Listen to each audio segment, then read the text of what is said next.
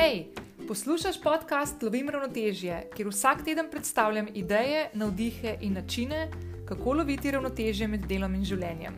Klikni subscribe in bodi na tekočem s svežimi objavami. V peti epizodi podcasta Lovim ravnotežje se bomo sprehodili skozi najpogostejše strahove pred samostojnim podjetništvom. Že sama misel na to, da bi pustila redno zaposlitev in se podala na samostojno podjetniško pot, je za mnoge od nas strašljiva.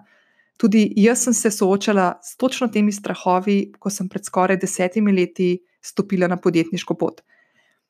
Pred kakšnima dvema mesecema sem svoje sledilke na Instagramu povprašala, zakaj se ne podajo v podjetništvo. In ugotovila skozi njihove odgovore, da se večina od nas srečuje z istimi enakimi strahovi. In prav v te strahove bomo danes pogledali in pogledali v oči. Strah lahko predstavlja razliko med sledenjem svojim sanjam in ostajanjem v nekem status quo v življenju, ki te ne spopolnjuje več. Strah pomeni razliko med, bom temu rekla, povprečnim življenjem in tistim, v katerem lahko neguješ svoje edinstvene sposobnosti in znanje, s katerim upravljaš na svoj način. Ko rečem povprečno življenje, ne mislim, da vsi tisti, ki ste redno zaposleni in ste v svojem življenju in pri svojem delu zadovoljni in izpopolnjeni, živite povprečno življenje. Govorim o ljudeh, ki si želijo na svojo podjetniško pot, pa ne vejo, kako to storiti, oziroma se zaradi strahov, ki jih bomo danes našteli in jih opisali, ne podajo na to pot, za katero menijo, da bi jim lahko pripeljala v življenju um, lepše izkušnje, lepše življenje, bolj izpopolnjeno življenje. Preden nadaljujeva, te vabim, da s klikom na subscribe ujameš vsako novo epizodo podcasta Lovim ravnotežje. Oddaš lahko tudi oceno in mnenje, ter s tem poskrbiš, da bo ta podcast slišalo še več tebi podobnih žensk. Kot vedno, te v opisu te epizode čaka tudi povezava do zapisa, v kateri boš dobila tudi vse povezave in podrobnejše informacije, ki jih bom danes omenila v tej peti epizodi podcasta Lovim ravnotežje. V drugi epizodi tega podcasta sem na dolgo in široko govorila o tem, kako sem se pred skoraj desetimi leti čisto nepričakovano in v spletu različnih okoliščin znašla na samostojni podjetniški poti, na poti, ki jo dejansko nikoli v življenju nisem načrtovala, uh, nisem niti pomislila na njo in sem se jo dejansko bala. In današnji strahovi, skozi katere se bomo čez nekaj trenutkov sprehodili, so strahovi, s katerimi sem se soočala tudi jaz pred desetimi leti in seveda tudi v času kasneje, ko sem že stopila po podjetniški poti. Um, jaz moram povedati, da, um, da ponovim uh, to, kar sem že omenila v drugi epizodi. Pa resnično, če še nisi poslušala, skoči tja, da boš dobila mal širši kontekst, o čem zdaj govorim.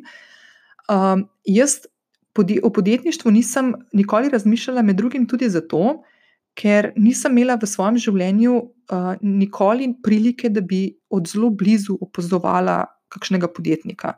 Jaz sem imela strice, ki so bili podjetniki, ampak smo se videli parkrat na leto, tako da to ni enako, kot bi živela z nekom. Moja starša sta bila oba zaposlena celo življenje in sta nikoli um, stopila v samostojno podjetniško pot. Uh, edini človek, ki mi je nekako dajal vedno uh, motivacijo, na tem področju in od katerega sem se lahko veliko naučila, je moj stric Emil, ki živi v New Yorku. Uh, in zdaj, da ti razložim eno zgodbo, najprej o mojem stricu Emilu, da boš razumela, zakaj ga tako rada omenjam in resnično si želim, da enkrat ga prepričam, da pride tudi na pogovor uh, v ta podcast. Uh, zelo nerad namreč se je pojavljal v javnosti, uh, tako da bom mogla zelo, zelo, zelo veliko delati na tem, da ga bom spravila do tega, da bo prišel. Ampak moj stric Emil ima um, eno tako fully zanimivo zgodbo. Pred točno 58 leti in pol se je kot 21-letni mladenič z ladjo Bohin podal v New York. Uh, seboj je imel 47 ameriških dolarjev, toliko jih je takrat lahko nesel čez mejo kot Jugoslovan. In um, šel je za tri tedne. Imel je turistično vizo, uh, na ladji Bohin je bilo takrat, mislim, da je rekel 98 Jugoslovanov. Vsi so bili na delovnih vizah, ker so jih, ker so jih čakale službe že v Ameriki. Edino on je bil na turistični. Šel je obiskat enega uh, gospoda, ki ga je spoznal v, v Ljubljani uh, in ga je potem tudi nekaj, nekaj dni uh, vozil po Sloveniji in po Dalmaciji in mu kot uh, domačin kazal lepote Jugoslavije takratne. Uh, tako da on je šel za tri tedne s turistično vizo v New York s 47 dolarji. In 58 let in pol kasneje je še vedno tam in je danes uspešen poslovnež in en, eden od večjih slovenskih ambasadorjev v tujini. In zdaj moj stric, uh, ki sem ga jaz uspela uh, opazovati v, v njegovem uh, podjetniškem elementu, tudi zelo blizu, ko smo delali na projektu Slovenija Vodka skupaj 8 let, uh, ima eno tako. Uh, eno taki izrek, ki ga vsakemu človeku, ki ga spozna na novo, pove. Uh, In to je, bom kar v angleščini povedala, the biggest risk is not to take the risk. Se pravi, največje tveganje je ne tveganje. In jaz dolg časa, ne da nisem razumela tega citata, ampak meni je bil ta, ta, njegov, ta njegova misel, ki jo je vedno poudarjal, poudarjal. Vsakič, ko smo se srečali, mi je to povedal, povedal, povedal in še posebej potem poudarjal takrat, ko sem se že podala na svojo samostojno podjetniško pot. Meni je bila ta misel zelo tuja. Uh, tuja mi je bila pa zato, ker jaz tveganja v življenju praktično nisem imela, oziroma sem se mu na vse možne načine izogibala. Jaz sem do nedolgo nazaj živela zelo prestrašeno življenje. Uh, prestrašeno glede vsega. Strah me je bilo, stra, stra, strah me je bilo um, poraza, strah me je bilo zavrnitve, strah me je bilo neuspeha, um, potem neugajanja, strah me je bilo nekomu, ki mi nekaj pomeni, reči ne. Strah me je bilo uh, padcev, že ko sem bila otrok, zato sem imela mogoče kolena razbita zaradi kotalk, ne vem, petkrat mogoče v življenju. Skratka, jaz sem živela v krču strahov, razno raznih strahov, celo življenje. Malo več o tem sem govorila tudi v tisti tretji epizodi, ko sem govorila, kaj sem se, kaj, kaj sem se naučila pri jogi in to prenesla v podjetništvo. Tako da lahko tudi skočiš tja, če še tega nisi poslušala. Uh, In zdaj moje to prestrašeno življenje in to tveganje, v katerem sem kasneje in ne dolgo nazaj, pa bom povedala točno, kdaj se je to zgodilo, kdaj sem začela v tem uživati, sem dejansko v enem trenutku pogledala v oči. In meni se je takrat odprl nov svet. In to se je zgodilo pred točno dvema letoma, ko sem bila z mojo mami na Baliju. In ena od stvari, ki sem jo želela na Baliju doživeti, uh, je, bila, je bilo guncanje na eni taki ogromni gugalnici, ki je bila razpeta med dvema palmama. In guncal si se na, mislim, da je bilo 110 metrski gugalnici nad deževnim gozdom sredi Balija. Um, in če sem zelo iskrena, sem dejansko to si želela. Želela izpeljati, zato da bom imela lepo fotko za Instagram. Prisežem, tako, to je bil glavni razlog. In jaz se spomnim, ko smo se z mami pripeljali na to lokacijo, Um, tako je bilo uh, visoko v hrib, gor je bilo narejeno, uh, si se lahko spustil dol po stopnicah. Uh, tam so imeli uh, pet gugalnic. Mislim, da je bila najmanjša gugalnica bila petmetrska, in potem je bila ta največja 110-metrska, in vmes so bile še tri.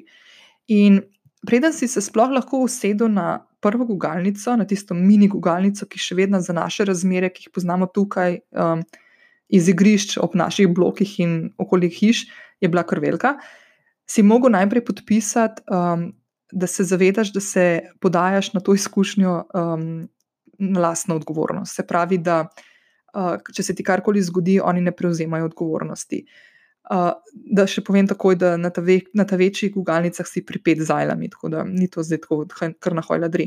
Ampak jaz se spomnim, ko sem tisto, tisti obrazec izpopolnjevala in je moja mama mene gledala, ki je ravno nekaj podobno prestrašena v življenju kot jaz, bila takrat.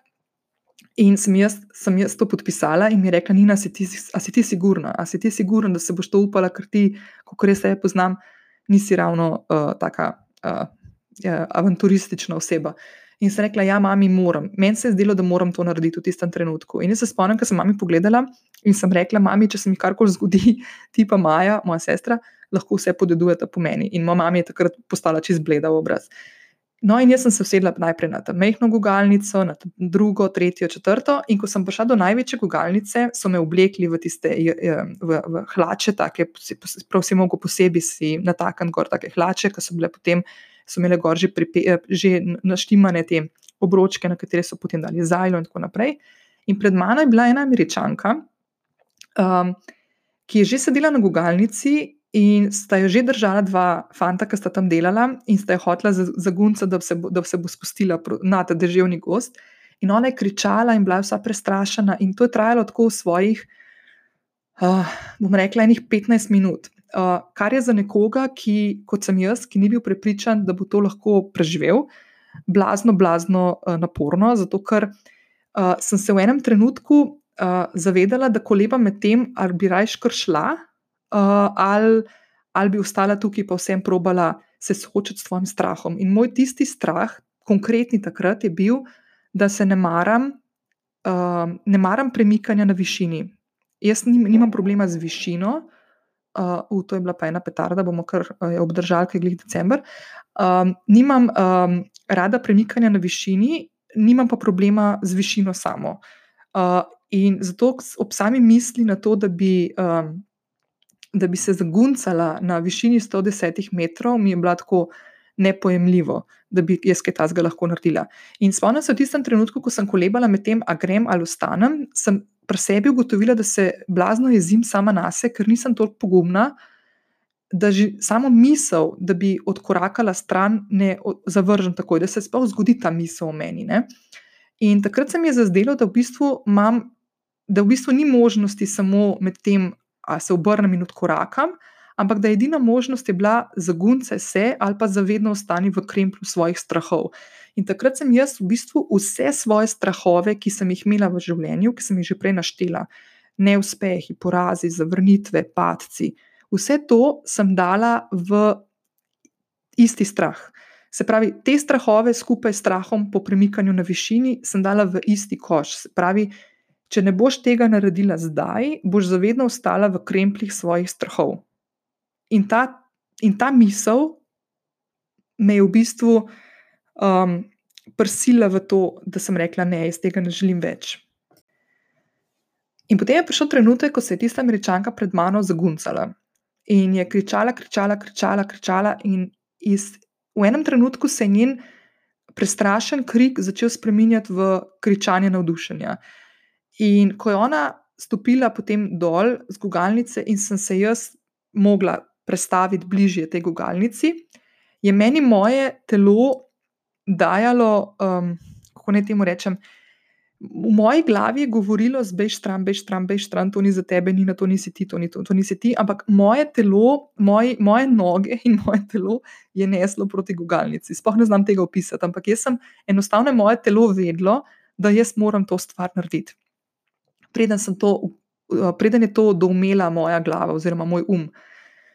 In jaz, ko sem se usela na gugalnico, um, sta me tista dva fanta, ki sta držala um, jermena, vsak na svoji strani, sta potegnila, zelo hitro je bilo to, sta potegnila gugalnico proti hribu, tako da sem bila čim bolj proti hribu, in potem sta me spustila, da sem šla in se zaguncala. In zdaj jaz povem, da takoj, ko sta ona začela gugalnico dvigovati proti, hrib, proti sebi, proti hribu, da sta naredila kot v neke vrste zalet sem jaz zaprla oči, ker sem rekla, ok, ne smem gledati, jaz tega ne smem gledati, sam preživi in bo vse kul cool in posicarica in si zmagala. In jaz se spomnim, ko, ko so oni mene spustili, uh, je v trenutku, ko sem odprla oči in odprla sem jih, ko sem bila na najvišji točki, ko so mi noge bingljale nad deževnim gozdom, nad neštetimi palmami, ki so bile pod mano in so, če, si, če si bila na balju, veš, da je to najlepša najlepši odtenek zelene barve, ki sem jih v življenju videla. Sem odprla oči in v tistem trenutku je v meni umrl moj strahopetni jaz. V tistem trenutku sem imela občutek, da lahko dosežem v življenju, ampak čisto vse, kar si bom zadala. In da vsi strahovi, ki so me toliko, toliko časa bremenili, dejansko niso več moji vsakodnevni sopotniki v življenju. In Jaz sem začela tako uživati v tem guncanju. Mislim, da je ena runda tega guncanja, ker valjda sem šla pol še enkrat, ne, je trajala, mislim, da mogoče niti ene tri minute.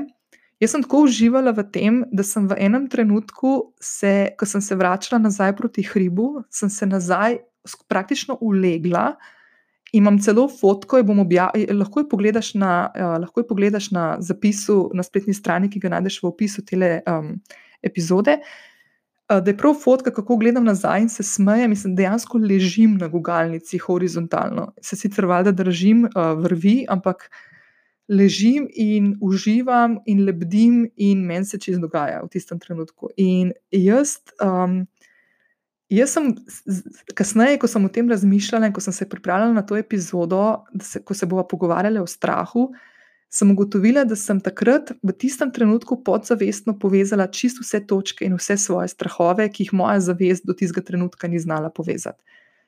In draga moja, v tistem trenutku ko sem jaz pogledala enemu od svojih strahov v oči, se je razblinilo en kup enih strahov, ki sem jih celo življenje nosila v sebi.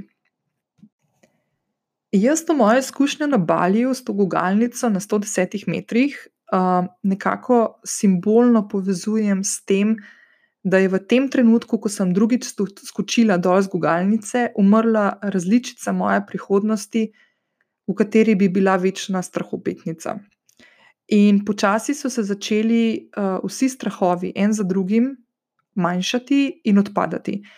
Kar ne pomeni, da mene v življenju več ni ničesar strah. Sploh ne. Jaz še vedno vse te strahove, med drugim se bova skozi nekaj teh sprehodili v nadaljevanju, uh, še vedno imam, ampak znam z njimi bolje upravljati, in te moji strahovi niso več tako veliki, kot so bili včasih, in me več ne držijo v svojih krempljih. Jaz delam premike v svojem življenju danes hitreje in večje korake naprej, ravno zaradi tega, ker sem te stvari pri sebi uspela um, obvladati. Uh, ampak zdaj, še vedno to ne pomeni, da naprimer, uh, je to, da se greš zaguncati na eno stvar, naprimer to, kar sem jaz naredila, da to zdaj pomeni, da uh, bo tebi enostavno lahko premagati strah, pa da boš postila službo, ki je naprimer ne maraš, oziroma ki ti ne predstavlja več izziva. Uh, uh, ampak ti pa neko varnost daje vseeno in se boš podala na samostojno podjetniško pot. Um, absolutno to ni način, in pri, vsaka, vsaka od vas pri sebi mora najti način, ki bo vaš pravi način. Pa bomo tega, do tega mečko nekoliko kasneje prišli. Ampak bom dala še en primer, ne, da če se zavedamo, da živimo življenje, ki ni tisto naše življenje, ki bi ga želeli živeti. Um, naprimer, če se zavedaš, da si želiš odpreti svoje podjetje, zato ker imaš neko znanje ali pa neko sposobnost ali pa neko storitev, neki izdelek, za katerega si prepričana, da ga bi lahko fino, bi, bi ga želela rada sama prodajati, predstavljati in bi rada vodila svoje podjetje, bi se rada podala na neko svojo pot, kjer bi stvari tekle tako, kot si boš ti zamislila. Uh, in tega ne narediš, pomeni, um, je to lahko uh, zelo lepa primerjava tega, da živiš v kletki. Naprimer, lev, kralj živali, najuspešnejša žival v živalskem kraljestvu, naprimer, živi v kletki v živalskem vrtu. In vsak njegov obrok je garantiran in pravočasen. Takrat, ko, bo, ko vemo, da bo lačen, mu pripeljajo uh, obrok. V kletki tudi nima naravnih sovražnikov, ki bi ga preganjali, ni bolezni, ki bi ga preganjale, in ni nobenih težkih podnebnih situacij, pred katerimi bi moral iskati neko varno zavetje. Zdaj, če bi ta lev v živalskem vrtu imel sposobnost, da bi lahko svoje misli eh, povedal na glas v našem jeziku, da bi ga razumeli, bi verjetno povedal, da mu tako življenje ne ustreza. In doseganje nekih vrhuncev, ki jih pojmuješ kot uspeh, je le neka odskočna deska pri iskanju ključnih načinov, kako najdemo tisto, kar nas osrečuje. Naprimer, loviti, te, teči po divjini, imeti negativne izkušnje, s katerih se nekaj naučimo, da lahko rastemo naprej. In imeti neko možnost uživanja v tem, da uspešno preplezamo vrh, ki smo si ga zadali, in da dosežemo nek cilj, ki ga želimo doseči. In zdaj, preden nam idve nadaljujeva z strahovi in greva konkretno v strahove, ki nas bremenijo oziroma nas, nam preprečujejo, da bi se podali na samostojno podjetniško pot, bi rada še enkrat povedala na glas nič ni narobe s tem, če si zadovoljna v svoji službi in če nimaš nobene želje in potrebe po tem, da bi se podala na samostojno podjetniško pot. Ne moramo biti vsi ljudje na tem svetu samostojni podjetniki. Uh, če si zadovoljna v svoji službi, če, te, če ti služba še vedno predstavlja izziv, če znotraj službe rasteš, se razvijaš, lahko svoj potencial pokažeš na dnevni ravni, na mesečni ravni, kakorkoli, če se dobro razumeš s svojimi zaposlenimi, mislim, s svojimi sodelavci, z, z šefom, šefinjo, to je vse odlično, nič ni narobe s tem. Jaz govorim in tukaj se želim osredotočiti predvsem s tistimi od vas, ki razmišljate o tem, da bi se podali, na, ker si želite podati na samostojno podjetniško pot, pa vas strahovi vlečejo nazaj, oziroma vam ne dovolijo, vam ne omogočajo, vam ne do, dopustijo, da bi naredili korak v to smer. Jaz bom to povedala še skozi en primer. Jaz sem imela pred slabim mesecem na fakulteti za družbene vede, to je moja bivša fakulteta, predav, predavanje oziroma delavnico. Uh, v kateri smo se pogovarjali s puncami, ki so se udeležile, mislim, da jih je bilo okrog 25, smo se pogovarjali o podjetništvu, pa o tem, kam se, kam se one želijo usmeriti v nadaljevanju, ko zaključijo študij, se pravi, ko bodo moje bodoče kolegice. In na začetku te delavnice, um, niti ena od njih, ko sem jih vprašala, kje se vidijo, ko bodo zaključile fakulteto, se niti ena od njih ni oglasila, da naprimer, bi jo zanimala samostojna podjetniška pot, oziroma mislim, da je bila samo ena. In ko smo se po treh urah tako zelo iskrene debate bližale koncu, sem ugotovila, da bolj ko smo se pogovarjali in bolj ko smo odkrivali in razkrivali strahove in se pogovarjali o karieri PR-ovca in o karieri uh, organizatorja dogodkov in o karieri nekoga, ki dela v oglaševalski agenciji smo prišli do spoznanja, da jih je več kot polovica deklet, študentk komunikologije, konkretno novinarstva uh, na fakulteti za družbene vede, želelo in razmišljalo o tem, da bi šle na samostojno podjetniško pot, ampak enostavno nimajo dovolj informacij, motivacije in okolja, ki bi jih spodbujalo, da tudi samostojna podjetniška pot je lahko ena od poti, ki jo lahko izberejo, ko diplomirajo na fakulteti za družbene vede. In meni se zdi to zelo žalostno. Meni se zdi žalostno, da že v času odraščanja in neke formalne izobrazbe še vedno, še vedno je premalo tega spodbujanja kreativnega ali pa drugačnega razmišljanja. Pa to podjetništvo, za moje pojme, ni drugačno razmišljanje, sicer, ampak v tem primeru, ki sem ga doživela letos na fakulteti za družbene vede, očitno je. Še vedno se premalo daje možnosti mladim, da bi razmišljali o tem in da bi se, jim, da bi se jih pri, teh, pri tem spodbujalo in motiviralo. In verjetno bi bili, če bi se to dogajalo na redni ravni in znotraj nekega formalnega izobraževalnega sistema, se danes mi, drage moje, ne bi srečevali s tako velikimi strahovi, ko bi se odločale o tem, če bi se podale na samostojno podjetniško pot. Ok, in zdaj skočiva na temo današnje epizode, najpogostejši strahovi, ki nas ovirajo ob misli, da bi se podali na samostojno podjetniško pot. Najprej si predstavljamo, kot smo že prej omenili, da imamo službo, ki je dokaj varna, redno plačana račun vsak mesec. V službi nismo srečni zaradi številnih spremenljivk. Naprimer, uh, nisi slišana, ne moreš pokazati svojih sposobnosti, delaš stvari, ki ti niso všeč, ali pa tiste, ki mogoče sploh niso v nekem tvojem job descriptionu, uh, nimaš dobrih odnosov s sodelavci ali pa nadrejenimi ne rasteš, se ne razvijaš in stagniraš. Kaj zdaj? A pustim vse, se pravi, varnost, redno plačo, vso delo, ki si, ki si ga upravila v preteklosti, da si se znašla tukaj, kjer si, in da delaš kaj? Kaj ne naredim, kako bom zaslužila dovolj za položnice in življenje? In v tem trenutku vstopijo strahovi, ki sabo pripeljejo še nekaj svojih prijateljev. Dvom, nestrpnost, jezo in neodobravanje. In kateri so najpogostejši strahovi? Prvi strah. Strah pred izgubo varne mreže. Ključni element v tem strahu je denar. Kako bom zaslužila dovolj, da bom lahko plačala vse položnice? Kako naj upravljam s tem strahom in kako naj spremenim odnos do denarja? To so stvari, ki uh, so nam mogoče malo tuje, ker, ker nam verjetno niso ravno položene v zibelko v naši družbi. Uh, Um, jaz vedno, ko se pogovarjam s svojimi kolegicami uh, in se pogovarjamo o tem, um, kako je biti samostojni podjetnik uh, zelo tako nevarno okolje, ko nikoli ne veš, ali boš zaslužila dovolj za položnice, vedno te stvari ustavim in rečem, da zaslužiš dovolj za svoje položnice oziroma za stroške, pomeni, da si neuspešna pri tem, kar počneš. Ker razmišljati moraš, da zaslužiš dovolj, zato da boš poplačala vse stroške, ki, ki dejansko kot samostojna podjetnica nosiš na svojih ramenih in zraven zaslužila dovolj, dodatno še zraven, da boš lahko živela življenje, ki si ga poznala do trenutka, ko si šla na samostojno podjetniško pot, in zraven še določen del, da ga boš lahko dajala vrčevalni, na vrčevalni račun. Naprimer. Ampak vse te stvari izgledajo tako zelo neoprijemljive in zelo strašne. Uh, in to dejansko ni čist res. Jaz sem zdaj zelo iskrena in sicer bom povedala, da um, jaz za sebe mislim, da sem bila v svojih devetih letih podjetniške poti uh, neuspešna v sedmih letih, prvih sedmih letih. Zakaj?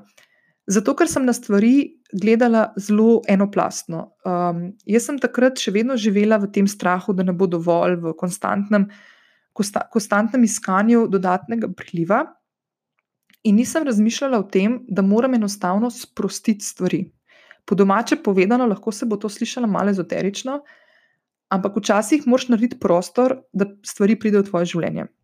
Uh, naprimer, um, jaz sem, mislim, da sem že omenila to v eni od prejšnjih epizod, uh, ampak bom ponovila. Jaz sem pred tremi leti se skoraj poslovno povezala s svojo takratno dobro prijateljico. In ko smo že bili zelo blizu tega, da bomo dejansko storili ta korak tudi na formalnejši ravni, uh, sem jaz končno na glas povedala to, kar sem že nekaj mesecev prej čutila v sebi, pa sem to dajala na, na stran. In to je bilo, ker, ker me je bilo strah, da bom nekoga prizadela. Um, in sem dala svoje, uh, in sem dala, sem dala sebe na drugo mesto, čeprav sem vedela, da dejansko v, takem, v taki simbiozi ne bom, ne bom srečna. Um, jaz sem po, mislim, da štirih mesecih, konkretnega dela na tem, da smo, da smo združevali stvari in projekte, uh, povedala, da si te združitve ne želim. Uh, razlog je bil zato, ker kljub temu, da smo podobno razmišljali, smo imeli drugačne vrednote v življenju in to se je izkazalo na koncu kot en velik faktor, ki je meni kazal na to, da v prihodnje bomo imeli veliko zapletov okrog tega in da, um, da to ne bo pravilno odločitev za me. In jaz sem v tistem trenutku, ko sem to skomunicirala, praktično ostala brez naročnikov. In meni se je zgodilo pred tremi leti to, da sem bila tik pred tem, da zaprem svoje podjetje po šestih letih. In jaz sem takrat razmišljala, kaj narediti. Imela sem na računu precej malo denarja, mislim, da je bilo tako par sto evrov. Uh, pred menoj so bili še, uh, bilo, kmalo, kmalo bi prišlo plačilo prispevkov, pa najemnina, pa v glavnem en kup enih stvari in stroškov in položnic. In jaz sem se v tistem trenutku odločila, da grem na, na počitnice. In to so le prve take prave, resne počitnice, po kakšnem letu, ko sem bila na Balju, s tem, da Bali, ki sem bila prvič na Balju pred petimi leti, um, je, so bile moje prve počitnice, odkar sem na samostojni podjetniški poti. Se pravi, da pet let nisem šla praktično nikamor, tako za res se spočiti. Um, in jaz sem šla takrat na počitnice s tistim denarjem, ki sem ga imela na računu. In to sem naredila prvič v življenju, zato ker sem imela odnos do denarja zelo nezdrav. Zdaj, če boš skočila na mojo spletno stran, tle v uh, spodaj v uh, opisu te epizode, te čaka link. Uh, sem pripravila za te tudi uh, zapis, ki ga vedno pripravim za vsako epizodo in je na moji spletni strani. V njej bom dala tudi uh, link do zapisa, ki sem ga pred par meseci naredila o tem, kako sem spremenila odnos do denarja. Jaz sem živela v družini, v kateri so me učili, kakšen je odnos do denarja, in um, ni, se je za mene kasneje izkazalo, da ni ta pravi. Uh, pa več o tem res v tistem zapisu, ali pa bom enkrat posebej naredila epizodo samo na to temo. Ampak hočem povedati nekaj, da to, kar mi pojmujemo zdaj kot neko varno mrežo, pa to lahko redna zaposlitev ali pa zaposlitev za nedoločen čas ali pa um, redni prilivi kot samostojni podjetnik in tako naprej dejansko to ni nujno, da je ravno varnost, ki, ki, za katero mislimo, da je. Hitro se lahko izkaže, da, to, da, to ni, da temu ni tako. To se je naprimer meni zgodilo pred desetimi leti, ko sem uh, po sedmih tednih izgubila redno zaposlitev za nedoločen čas. Tako, buf, čez noč. In to ni, ni, ni res, da tisto, kar mi pojmujemo kot varnost, da dejansko predstavlja na koncu neko varnost. Naučiti se moramo, kako lahko denar dela za nas, ne mi za denar. Pa je to fu lahko reči, pa malo teže narediti. Ampak se da. Uh, res skoči na, uh, na tale link spodaj, ki ti ga dam, na zapis epizode na moji spletni strani in tam te bo čakal, poleg vseh ostalih stvari, ki jih danes omenjam, tudi link do članka, kako, kako sem spremenila odnos do denarja in kako sem dejansko takrat zadihala v čist taki novi, novi luči. In to zelo na plastičnem primeru ti podam, kdaj se je to zgodilo. Drugi strah je strah pred nesigurnostjo. Podjetništvo je nasprotje obdobja varnosti, rutine, ki jo mogoče poznaš, ko si zaposlena nekje za, um, za nedoločen čas. Um, in ko enkrat stopiš na podjetniško pot, um, je vsak dan drugačen. Uh, moraš biti fleksibilna, uh, in s to fleksibilnostjo pride tudi uživanje na podjetniški poti. Uh, jaz sem se mogla veliko, veliko stvari naučiti in pri sebi porihtati, um, ko sem se podala na samostojno podjetniško pot, in pri meni je to trajalo precej dolgo časa. Zato, ker sem trmasta in zato, ker sem uh, mogla vse stvari okusiti na svoji koži. In eden od razlogov, zakaj sem se odločila o teh stvarih spregovoriti na glas, tudi prek tega podcasta in prek svojih zapisov na spletni strani, je, ker bi želela vsaj do neke točke pomagati drugim, ki prihajate za mano na to samostojno podjetniško pot, da vam bo mogoče kakšna stvar prihranjena. Uh, ne vse, zato ker ljudje se največ naučimo, ko doživimo neko stvar na svoji koži, ampak mogoče kakšna malenkost, če lahko kakšen, kakšen uvinek, ki je preskočite, ali pa kakšen hribček med več gorami, da če lahko nekaj preskočiš, z veseljem tukaj lahko pomagam. Um, strah pred nesigurnostjo um, je podoben kot strah pred izgubo neke varnosti.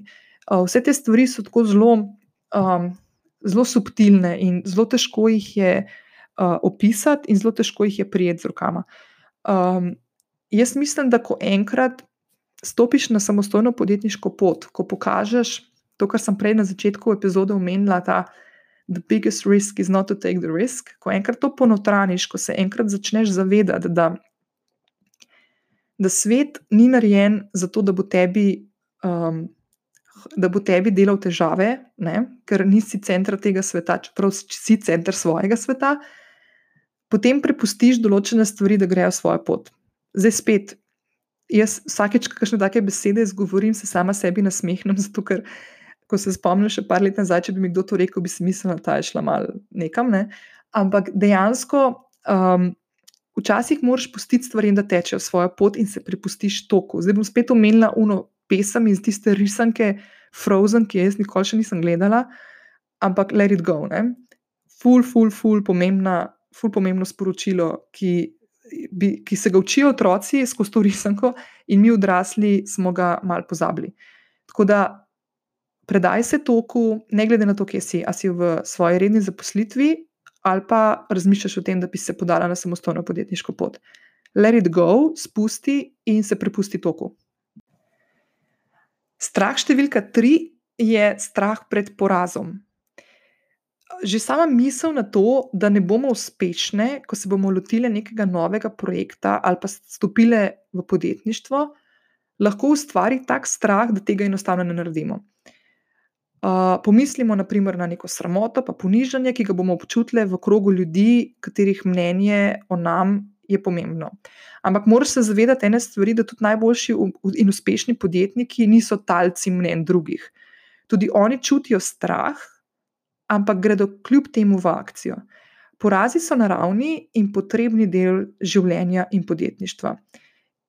In jaz vedno rečem, da če mi kdo reče, da nima nobenega poraza za sabo, ne verjamem, ali se laže, ali pa živi v taki coni obdobja in v taki vatki, da enostavno ni okusil stvari, ki bi jih moral okusiti, ali kot podjetnik, ali pa kot človek v nekem, v nekem delu svojega življenja.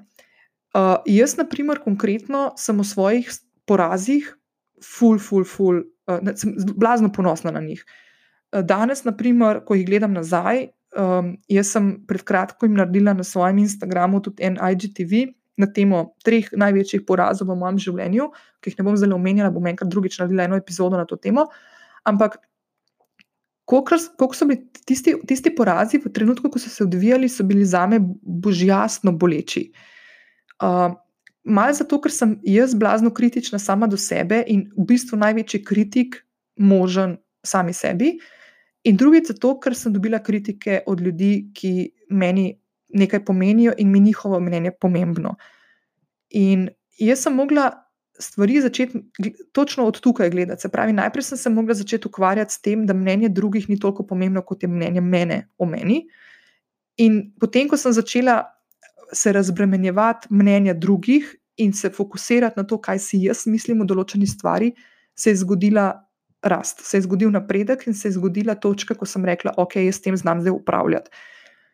Um, ko se zgodi nek poraz, ne glede na to, kako velik boleč je, je pomembno, da, se, da z njim upravljamo, da pridemo iz tega poraza močnejše, pametnejše in izkušenejše. Vse ostalo, kar se zgodi predtem, je dejansko irrelevantno, ker to je že v preteklosti. Stvari, ki nas lahko poraz nauči in ki jih lahko vzamemo s sabo v prihodnost, so stvari, na katere moramo biti ponosni. In vsak poraz je točka, v kateri se lahko ogromno, ogromno naučimo o sebi, o delu, ki ga upravljamo, o življenju, o odnosih, o praktično vsem. Četrti strah je strah pred tem, da sploh ne veš, kaj bi počela, da ne veš, kaj točno imaš rada, ali pa katero podjetniško idejo bi izbrala, ker jih imaš več. Zdaj, moramo se zavedati, da naši možgani delujejo na način, ki nam želi preprečiti, da bi stopili po neki nesigurni poti svojih želja in navdihov, po neki poti, po kateri še nismo šli. To je en tak naraven obrambni mehanizem, še iz časa, ko smo bili lovci in ko smo mogli teči pred uh, nevarnostmi v svoje jame in tako naprej, in to še vedno nosimo v sebi. Najdemo nešteto enih načinov, kako se ustavimo, in naši možgani nam pošljajo še več strahov v našo smer, kot smo jih bile, naprimer, zmožne slišati že same, kar je kar malo včasih ne mogoče razumeti, ker jih imamo že tako veliko same. Uh, zato je pomembno, da svoje misli uh, poslušaš in da poslušaš svojo intuicijo. Uh, Nekoliko kasneje, ko bom odgovorila na par vprašanj, ki sem jih prejela, bom odgovorila na to, kako poslušaš svojo intuicijo. Bom dala ta krasen primer, pri katerega lahko ugotoviš, kdaj je neka stvar, kdaj ti intuicija sporoča, da je neka pot, ideja, odločitev za tebe dobra in kdaj ni dobra. Um, jaz mislim, da te stvari mi, kot človeška rasa in, in nasplošno, zelo, zelo, zelo se bo poslušamo. Eh, vse živali na tem svetu zelo dobro poslušajo svojo intuicijo, ko gre za neko pre, preživetveno odločevanje. Mi smo pa postali pri tem zelo slabi skozi razvoj uh, in smo verjetno edina živalska vrsta na planetu, ki svojo intuicijo zelo, zelo, zelo pogosto postavi v kot. Ampak o tem nekoliko kasneje. Predzadnji strah, peti strah, je strah pred tem, da so že vse podjetniške dobre ideje že speljane in zakaj bi se zdaj jaz svojo podjetniško zgodbo spravljala v, na podjetniško pot, če je to že bilo narejeno. Zdaj, če bi tako razmišljali vsi podjetniki, potem ne bi naredili nobenega novega projekta, nobenega razvoja, nobenega novega izdelka, nove storitve. Naprimer, primer. Samsung ne bi skočil na trg s sodobnimi telefoni, zato ker jih je imel že prej Apple. Uh, Netflix se sploh ne bi zgodil, ker je bil prej blockbuster in se ne bi tam tolkla po ameriškem trgu, ne vem koliko let, da je Netflix premagal blockbuster, ki je imel prej uh, monopol dejansko nad uh, televizijskimi in filmskimi vsebinami na ameriškem trgu. Naprimer, Apple TV, ki je bil pred kratkim izdan, se ne bi zgodil, ker itak je že HBO, pa itak je Hulu, pa itak je Netflix. Um, Zdaj, tudi če je tvoja podobna, podjetniška zgodba ali pa ideja podobna in že obstaja na svetu, ni to tvoja. Samo ti lahko svojo idejo ali pa podjetniško zgodbo zapelješ na tvoj način, svojo zgodbo. Jaz, na primer, konkretno, če povem, naprimer, jaz sem PR-ovka. Um, v Sloveniji je freelance PR-ovcev veliko, ogromno jih je. In z, z, z problemi, ki, s katerimi se soočajo, naprimer, mediji ko, um, ko svoje uredništva uh, krčijo in s tem veliko novinarjev ostane brez dela, grejo še ti novinari v PR vode. Uh, praktično vsak dan je nas je več. In to ne pomeni, da naprimer, jaz zdaj zaradi tega ne upravljam svojega dela ali pa da nimam um, naročnikov. Uh, naprimer, podcast. V Sloveniji je kar nekaj podkastov, tudi zelo dobrih podkastov, ki jih tudi jaz zelo rada poslušam. In uh, Če bi jaz razmišljala, zakaj bi zdaj šla ven s podkastom, če je že na Sloveniji že toliko podkastov, nihče od njih ne more povedati takšne zgodbe, kot jo povem jaz. Tudi jaz ne morem povedati njihovih zgodb in njihovih epizod, ker nisem, ker nisem oni. Tako da ne razmišljati na način, da zato ker so stvari že postavljene v svetu, ni prostora za te. Absolutno to ne drži. In zadnji strah je strah pred tem, da nisem dovolj dobra. Uh, ta strah živi v koreninah našega vedenja, sploh pri nas ženskah. Uh, naše misli bodo narekovale uh, vse razloge, zakaj nimamo tistega, kar je potrebno, da bi se podale naprimer, na svojo podjetniško pot. To je strah, ki nam je skupen. Včasih to prepričanje nikoli povsem ne zbledi, uh, pa še vedno to ne pomeni, da ne moreš stopiti po svoji poti. Uh, tukaj je fulfino, da se poigraš s tem, katere so tvoje neke te omejitvena, katere so tvoje omejitvena prepričanja, ki pri tebi sprožajo občutek, da nisi dovolj dobra. Naprimer, primer.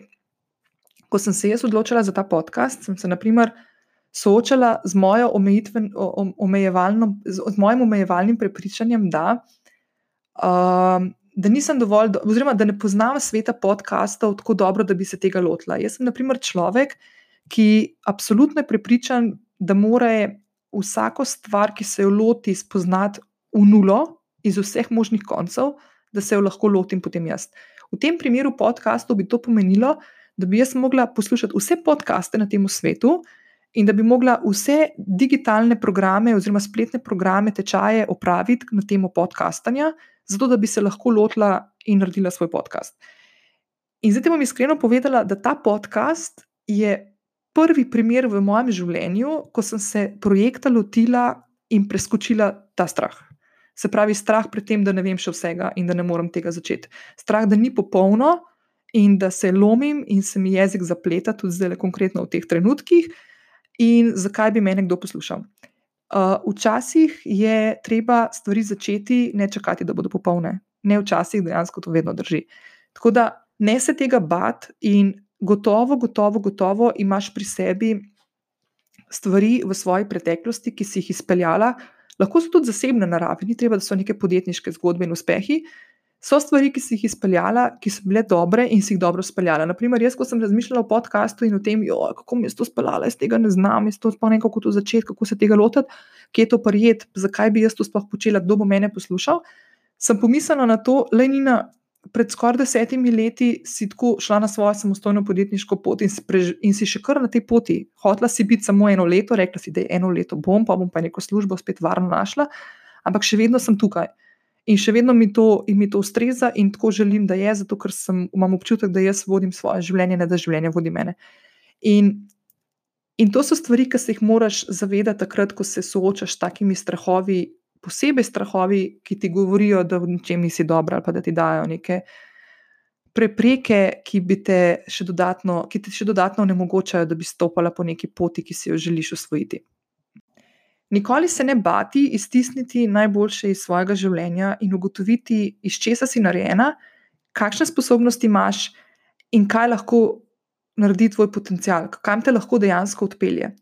Ne se bati hoditi po poti, ki še ni bila prehojena, zaupati, da se bodo vse spremenljivke tako ali drugače postavili na prava mesta in ti pokazale, da vedno obstaja pot, ki ti lahko tudi kot podjetnici predstavlja zabavno, včasih malo noro, ampak predvsem zelo izpopolnjujoče življenje. In ko se pojavi strah, se spomni tega. Prvič, identificiraj ga, kaj je v tebi močnejše in pogumnejše od tvojega strahu. Zakaj si želiš postati podjetnica, naprimer? To je tvoja večna, večna naftna vrlina, v katero se vedno vračaš, ko boš imela prazno kanglico goriva. Drugič, ko se pojavi strah, se osredotoči na svoje dihanje in ga z globokimi vdihi in izdihi skozi nos podaljšuj in s tem umirjaj. Mirno dihanje pomiri tudi tvoje misli. Nauči se meditirati. Uh, skoči na link, ki sem ti ga pripela v opisu te epizode, tukaj, kjer jo poslušaš ker te čaka na tem linku na moji spletni strani zapis za to epizodo in te in notri vključuje tudi linke do tega, kako se lahko naučiš uh, meditacije, kako z njo začeti, kaj vse to meditacija je in kaj vse meditacija ni. Da boš lahko lažje in hitreje upeljala to veščino v svoje življenje, ki ti bo izredno, izredno pomagala pri upravljanju strahovi. Tretjič, ne glede na to, kaj boš na koncu delala, katera bo tvoja poslovna pot ali pa odločitev. Se vedno spomni, da delaš nekaj, s čimer pomagaš drugim. Če se boš osredotočala samo na sebe, se stvari v življenju nikoli ne stečejo dobro. In ko izhajaš samo iz sebe, so vse stvari in tvoj svet ful večji, kot se zdi. In vsi tvoji strahovi so bistveno večji, kot so dejansko na svetu. V tvojem svetu so največji, ko ga pogledaš širše, postanejo vedno manjši. In četrtič, vedno se dobro ustaviti, oddihniti, spremeniti, kaj če je potrebno, in se vrniti nazaj na svojo začrtano pot. Strah ne mara, če ga zmotimo in prekinemo. Zato si vzami čas, takrat, ko ga potrebuješ, in prekini neko kontinuiteto. Preden zaključiva, bom odgovorila še na nekaj vprašanj, ki sem jih prejela prek Instagrama, ko sem objavila, da bom v peti epizodi podcasta Lovim ravnoteže govorila o najpogostejših strahovih, s katerimi se srečujemo, ko se odločamo za samostojno podjetniško pot. Ana je vprašala, ali je pametno najprej odpreti popodanski SP in na to s časom preiti na polnega. Um, ja, če, če je to način, ki tebi um, predstavlja nek tak uh, lepši organski prehod svojo, uh, na tvojo podjetniško pot, potem seveda, zakaj ne. Uh, ne pa, bodi pa pri tem pazljiva na eno stvar da če ugotoviš v nekem trenutku, da to delaš samo zaradi tega, ker se bojiš in, um, in ne dovoliš sama sebi, da bi dejansko skočila v neko podjetniško pot, pa si tega želiš, potem je tukaj fajn začeti razmišljati o tem, da narediš nek korak naprej. Um, ljudje smo si različni, nekateri smo um, radi tvegamo, nekateri ne maramo tvegati. Eni radi postopoma delamo korake, eni delamo večje, drugi delamo manjše. Tako da prilagodi stvari in odločitve sebi. Tako da nič ni narobe s tem, če začneš s popodanskim SP-jem. Tina je spraševala o tem, kako se opogumiti, preseči dvome in ustanoviti svoje podjetje. Malo sem že govorila o tem prej, ko sem omenjala svoja omejevalna prepričanja. Se pravi, ko, ko razmišljaš o tem, uh, da bi šla na neko svojo samostojno podjetniško pot, trčiš v ogromno enih stvari in dvomov in strahov, ki smo jih danes že predelali ampak skočiš tudi naprimer, v, v polja, ko se začneš dejansko spraševati o tem, ali sem jaz sploh sposobna tega. Uh, nih, nihče mi nikoli ni učil, kako voditi podjetje, kako ne bom jaz sploh samostojna podjetnica. Ko se začneš. Um, Ko začneš krožiti skozi taka razmišljanja, se ustavi in poskušaj te stvari zapisati na list papirja. In ko jih zapišeš na list papirja, poskušaj najti neke take racionalne odgovore, zakaj je taka trditev smešna. Kot da bi, naprimer, jaz, ki te ne poznam, ali pa neka tvoja prijateljica, dobra, ki te dobro pozna, bi te skušala umiriti. Naprimer, prej sem dala primer, da ko sem se odločila za ta podcast, da zakaj bi pa jaz delala podcast, če spoh ne vem, kako to narediti in da moram najprej vse znanje tega sveta usvojiti, da bom lahko. Uh, začela delati podcast. Um, jaz sem se mogla usesti in dobesedno poigrati s svojimi omejevalnimi prepričanji, zato da sem lahko naredila korak naprej. Uh, pogum in preskakovanje strahov narediš takrat, ko začneš prevzemati akcijo. Ne takrat, ko sediš v varnem zavetju svojega doma s čajčkom v roki, v kavču pod dekco in gledaš, naprimer, televizijo. Takrat se take stvari in take premiki ne bodo zgodili. Za vsako tako stvar moraš nekaj vložiti. Ali je to za tvoj čas, ali, tvoj, uh, ali raziskovanje tega, kaj dejansko si ti v življenju želiš in kje so tiste tvoje uh, šibke točke, in, začne, in je treba začeti krepiti te šibke točke. Zdaj lahko se krepijo s tem, da uh, si najdeš kakšnega mentorja, lahko se krepijo s tem, da uh, začneš, naprimer, vem, da moš imeti privrčevano toliko in toliko denarja, da se boš boljše počutila. Lahko se začne s tem, kot je naprimer Ana vprašala, da najprej odpreš popodanski SP. Lahko, naprimer, najdeš kakšen digitalni tečaj, spletni tečaj, pa mogoče se kakšno stvar naučiš. Tako sem, naprimer, tudi jaz naredila, preden sem se lotila tega podcasta, da sem upravila neko izobraževanje na to temo, in tako naprej karkoli je eh, takega, kar men, za kar meniš, da ti bi lahko prišlo prav. Nadja je vprašala, kakšna je razlika, oziroma kje je meja med negativnim in pozitivnim strahom. To je tisto, kar sem prej omenila, da bom na koncu povedala. Kako ti telo sporoča, oziroma tvoja intuicija, kdaj v nekaj id in kdaj od nečesa se umakniti. Uh, to je bil primer tistega mojega združevanja, skorajšnjega z mojo takratno prijateljico, ki, je, ki bi se lahko izteklo zelo napačno. Uh, Zdaj sem tukaj uporabila uh, eno stvar, ki sem jo slišala od Marie Forleo. Uh, in to je, da ko naprimer slišiš, naprimer, primer, bom danes na primeru tega podcasta. Mene je bilo tega blazno strah. In ko sem začela razmišljati o tem, da bi imela podcast, je moje telo začelo reagirati tako, da se je. Da, naprimer, če bi mi rekla moja prijateljica Nina, a si sigurna, da hočeš delati podcast, bi moje telo se odprlo s prsmi, se, prsni koš bi se mi odprl, rame bi še nazaj in jaz bi se začela bližati telesom moje prijateljice. Tako, ne zato, da se res fizično to zgodi, ampak energija, ki bi priplavila moje telo, bi bila taka, da bi se moje telo odpiralo in želelo biti čim bližje tej informaciji, ki je prišla s tem vprašanjem. Če si jaz tega dejansko ne bi želela in bi mene telo opozarjalo, da to ni ta prava odločitev, bi ob tem, ko bi moja prijateljica rekla: Nina, a si ti sigurna, da si želiš začeti podcastanje? Bi se moje rame spustile dol, moje telo bi začelo iti malo bolj nazaj, kot bi se hotelo umakniti od tega vprašanja. Se pravi, že, samo, že sama reakcija notranja telesna nam sporoča, ali se bližamo nečemu, ali se želimo od tega oddaljiti. In se probite spremljati v situacijah, ko se soočate z, z vprašanji, ki so niti ni nujno, da so neke zelo težke in konkretne odločitve. Lahko, to, lahko so tudi manjše stvari. In probajte opazovati svoje telo, kako reagira na določene stvari. In boste, če boste to opazovali, boste sami pri, sebi videli, sami pri sebi videli, da je to naprimer, en tak zelo, zelo dober pokazatelj tega, kako deluje naša intuicija.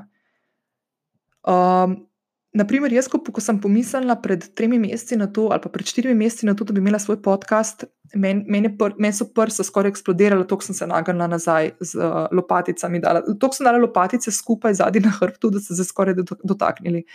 Tako da. Tako sem jaz, na primer, vedela, da to je pot, katero hočem imeti. In sem preskočila vse ovire in vse strahove, ki sem jih imela, in vsa omejevalna prepričanja, ki sem jih imela, zato da sem prišla na koncu do tega, da sem pred dvema tednoma lansirala podcast.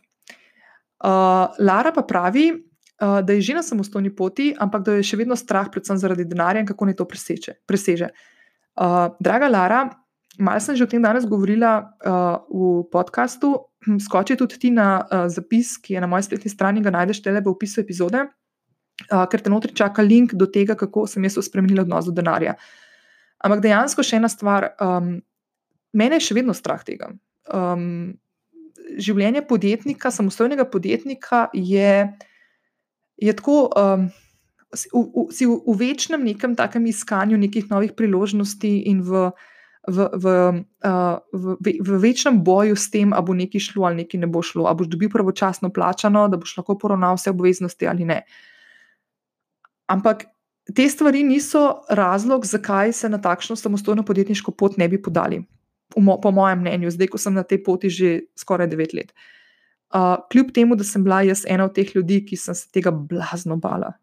Ampak enostavno, korak za korak je treba te stvari posad, po, po, postopoma presegati. In jaz sem ugotovila pri sebi, da sem to naredila takrat, ko sem spremenila odnos do denarja. In o tem lahko prebereš tist, na tistem linku, ki te čaka v zapisu te epizode. Tako da, zdaj pa preden končamo, bom še eno stvar povedala, uh, da načeloma ne maram teh stvari delati, oziroma mi so mi tuje. Jaz take promocije delam vedno za svoje naročnike, ko pripravljam za njih strategije in vsebine. Ampak sem se odločila, da bom v vsaki epizodi prebrala tudi eno mnenje, ki mi ga pustite ali na Instagramu med zasebnimi sporočili, ali pa naprimer ta konkretno se je, našel na, se je znašel na, na uh, Apple Podcast, na iTunes kjer mi je Žana napisala: Nina, res si čudovita in hvala, da deliš ta podcast z nami. Z veseljem te bom poslušala in da si malo oddahnemo do današnjega hitrega tempa. Se veselim novih epizod. Žana, ful, hvala.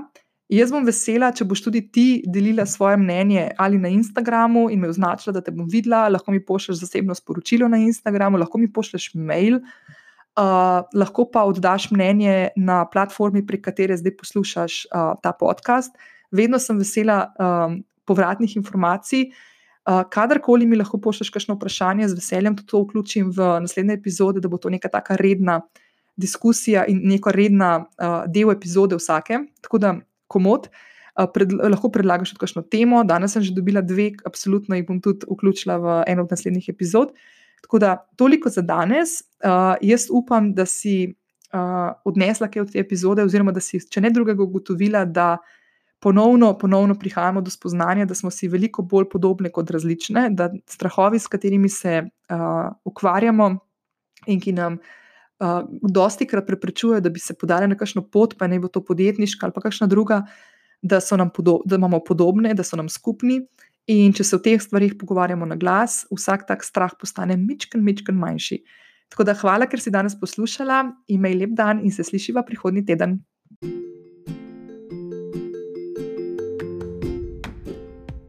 Prišli smo do konca današnje epizode podcasta Lovim ravnotežje. Slediš mi lahko tudi prek Instagrama, Facebooka in Twitterja, kjer me najdeš pod Nina Gaspari. Spletne zapise najdeš tudi na strani ninagaspari.com, kjer se lahko prijaviš na e-novičke, prek katerih pošiljam dodatne vsebine v tvoj e-nabiralnik. Če na iTunes še nisi stisnila subscribe, to lahko narediš zdaj. Tako boš vedno ujela svežo epizodo. Hvaležna bom tudi za tvojo oceno in mnenje tega podcasta, ki ga lahko daš ob prijavi in s tem pomagaš, da ta podcast sliši še več poslušalk. Se slišiva prihodnji teden, ko bomo spet lovili ravnotežje. Hvala za poslušanje, želim ti krasen dan.